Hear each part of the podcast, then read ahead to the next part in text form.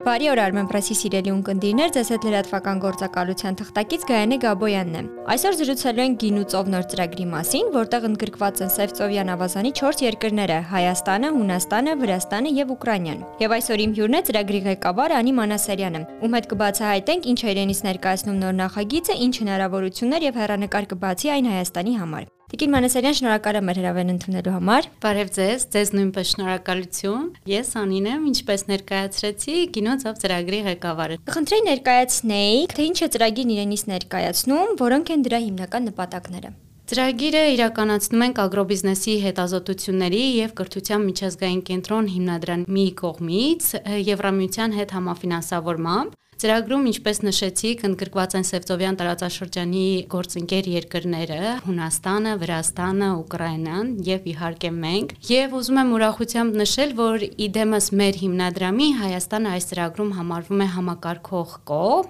Մենք ծրագիրը սկսել ենք 2020 թվականի օգոստոսին եւ հուսամ այս տարվա վերջը կավարտենք։ Մեր ծրագրի հիմնական նպատակը զարգացնել գինու զբոսաշրջությունը մեզ համար առաջնահերթ մեր երկրում, բայց եթե համապարփակ հստակ տեսանկյունից նայենք, Սևծովյան տարածաշրջանի նշված գործընկեր երկրները դիրքավորել որպես կարևոր գինեգործական ուղություններ, օգնել գինու զբոսաշրջության շահագրգիռ կողմերին մշակել ընդհանուր մոտեցումներ։ Եվ այս նպատակով մենք մշակել ենք գինու երթուղիներ յուրաքանչյուր երկրի մակարդակով եւ դրանք ավելին են, քան քարտեզային գծագրումները, հա, այսինքն դուք այս երթուղիներից կունենաք ավել ինֆորմացիա, քան ասենք կարող եք գտնել Google Map-ով, որովհետեւ դրանք թեմատիկ են, ինչպես գինին եւ արվեստը, գինին եւ արկածները, գինին եւ գաստրոնոմիան եւ այլն։ Այս ամենը փորձել ենք ներկայացնել կայքով, ավելին կայքը բավականին ինտերակտիվ է, այսինքն օգտագործողին հնարավորություն է տալիս ըստ իր նախասիրությունների մշակել գինու երթուղիներ, այցելելով գինեգործարաններ եւ ոչ միայն տվյալ տարածաշրջանի,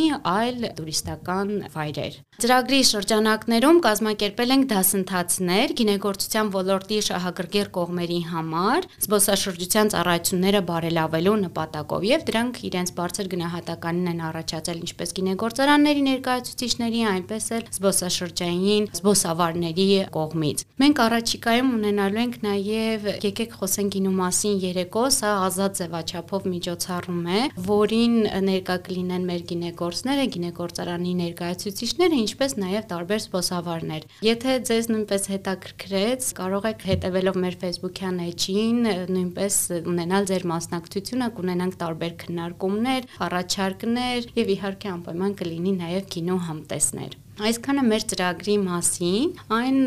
իր գեղեցիկ ընթացքի մեջ է, կարծում եմ բավականին արդյունավետ կլինի մեր երկրում գինու զբոսաշրջությունը զարգացնելու համար։ Լավ, կխնդրեմ նշեք ինչպես կգնահատեք գինու туриզմը Հայաստանի Հանրապետությունում։ Ին զարգացման հերանեկարներ ունենք, ինչ դիրքերում է ՀՀ-ում ի համեմատություն գործընկեր երկրների։ Գինոտուրիզմը Հայաստանում նոր-նոր է զարգանում։ Մենք իհարկե մեծ հերանեկար եւ պոտենցիալ ունենք հաշվի առնելով մեր հարուստ մշակույթը, պատմությունը հենց գինեգործության հետ կապված, բայց պիտի նշեմ, որ նաեւ անբավականին շատ անելիքներ ունենք, հատկապես եթե համեմատում ենք մեր գործընկեր երկրների Հունաստանի եւ Վրաստանի հետ, որովհետեւ իրենք կարողանում են շատ ավելի գեղեցիկ ներկայացնել եւ շատ հաճախ ավելի բարձրաձայնել իրենց ապրանքների մասին, իրենց սպասա զբոսաշրջության, իրենց գինու մասին։ Մենք այս առումով անելիքներ ունենք եւ ես կարծում եմ, որ նմանատիպ ծրագրերը իրենց անպայման դրական ազդեցությունը կունենան եւ զարգացման եւ այս զարգացումը արագացնելու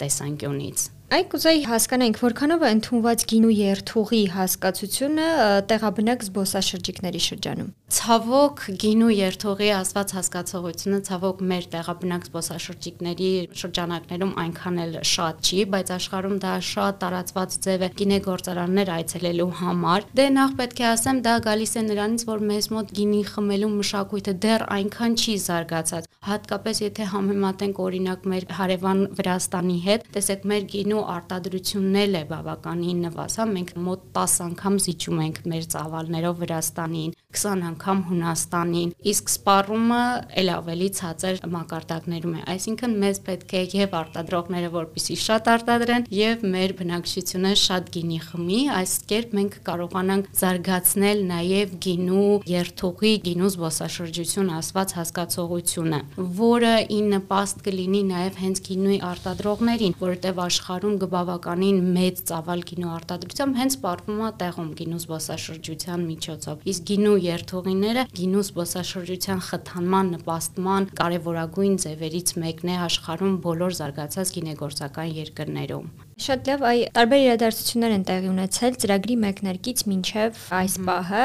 իդ, Արցախյան պատերազմ, ռուս-ուկրաինական պատերազմ։ Կուզեմ նկարագրեք ինչպես է եղել դրանց ազդեցությունը ծրագրի իրականացման եւ վերջն արդյունքին հասնելու տեսանկյունից։ Ծրագրի իրականացման տեխնիկական տեսանկյունից այս իրադարձությունները բավականին դժվարություններ են ստեղծել։ Կոവിഡ്յան պանդեմիայի ժամանակաշրջանը մենք այցելություններ ունեինք մարզեր, գինեգործների հետ հանդիպումներ, տարբեր այլ շահագրգիռ անձանց հետ դրանք բավականին հետաձգվեցին, բայց հետագայում հենց այս այցելությունները մեծ ողջավորություն առաջացրեցին թե գինեգործների շրջանակներում եւ թե այլ տուրիստական ոլորտի ներկայացուցիչներում, նրանց համար կարծես մեր ծրագիրը ինչ որ հույս էր, որ դեռ туриզմը ապրում է եւ կարելի է նոր մոտեցումներ եւ հնարավորություններ, որպես այս ժամանակաշրջանը հնարավորությունների ժամանակաշրջան դիտել եւ ընդ որում կուզենամ նշել, որ գինեգործները մեզ տեղեկացրեցին կոവിഡ്յան ժամանակաշրջանը որոշակի հնարավորությունների ժամանակաշրջան արձանագրեցին,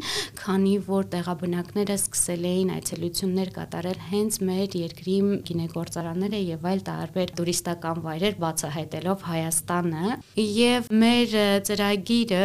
որը հենց туриզմին էր առնչվում, իրենց հետ համագործակցության արդյունքում մենք կարողացանք մարդկանց շրջանակներում տեսարժան վայրերի մասին տեղեկացնել, իրազեկել մարդկանց, հրավիրել նրանց այդ վայրեր այցելելու եւ գեղեցիկ պատմություններ նաեւ ունենալ հենց մեր երկրում։ Դուրս գնալու կարիք չկար։ Ռուս-ուկրաինական պատերազմը հատկապես մեզ համար խնդիր եղավ ու ուկրաինացի գործընկերների համար, բայց նրանք եւս նշում են, որ նմանատիպ ծրագրերը հնարավորություն եւ հույս են իրենց ոլորտի ներկայացուցիչների համար, այդ առումով տարբեր հետազոտություններ առաջիկայում կիրականացնենք, թե ինչպես կարելի է ճգնաժամային իրավիճակներից խելացի եւ արդյունավետ կերպով դուրս գալու համար Արցախյան պատերազմը նույնպես մեծ ճգնաժամային փուլ էր մեզ համար նույնպես, բայց մենք մեր ծրագրում շատ հաճախ ենք ներառում մեր Արցախյան գործընկեր ընկերներին, որպիսի կարողանանք որոշակի չափով նաև մենք մեր աջակցությունը ունենանք այս ոլորտի ներկայացուցիչների համար։ Շատ լավ, ամփոփելով մենք նշեցինք, որ ծրագիրը իրականացվում է 4 երկրների համագործակցությամբ՝ Հունաստան, Վրաստան, այս երկու երկրները շատ հայտնի են իրենց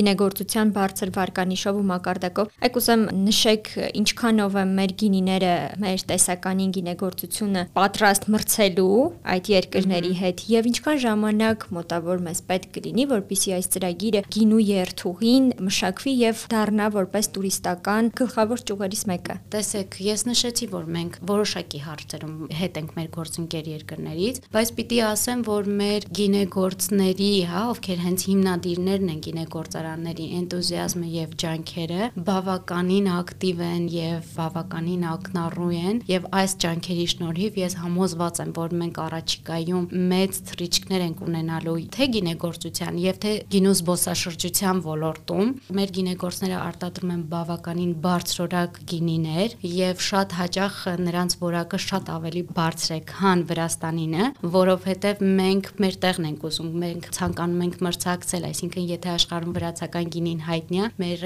դեռ ոչ այնքան որքան Վրաստանինը եւ մենք այս առումով ջանք չենք խնայում, թե որակի եւ թե շատ հաճախ մեր պիտակներն են շատ ավելի հետաքրքիր, մեր մոտեցումներն են շատ ավելի հետաքրքիր։ Ես ես կարծում եմ, որ որոշակի նմանատիպ ծրագրերի աջակցությունը, ինչու՞ չէ պետության պետական աջակցությունը, туриզմի կոմիտեի աջակցությունը շատ արագ տեմպեր կհաղորդի մեր գինու եւ գինու զբոսաշրջության զարգացման տեմպերին եւ առաջիկա 1-2 տարվա ընթացքում մենք գինեգործության թիրախային զբոսաշրջության թիրախային երկրներում կհայտնվենք աշխարհի մակարդակով քանի որ հենց շատ զբոսաշրջիկներն են բարձրաձայնում մեր հետաքրքիր եւ բարձրորակ գինիների մասին։ Շնորհակալ եմ Անի ջան, հույս ունեմ շատ կարճ ժամանակում գինու երթուղին շատ մեծ թվով զբոսաշրջիկներ կբերի Հայաստան։ Ձեզ նույնպես շնորհակալություն, ես նույնպես հուսով եմ։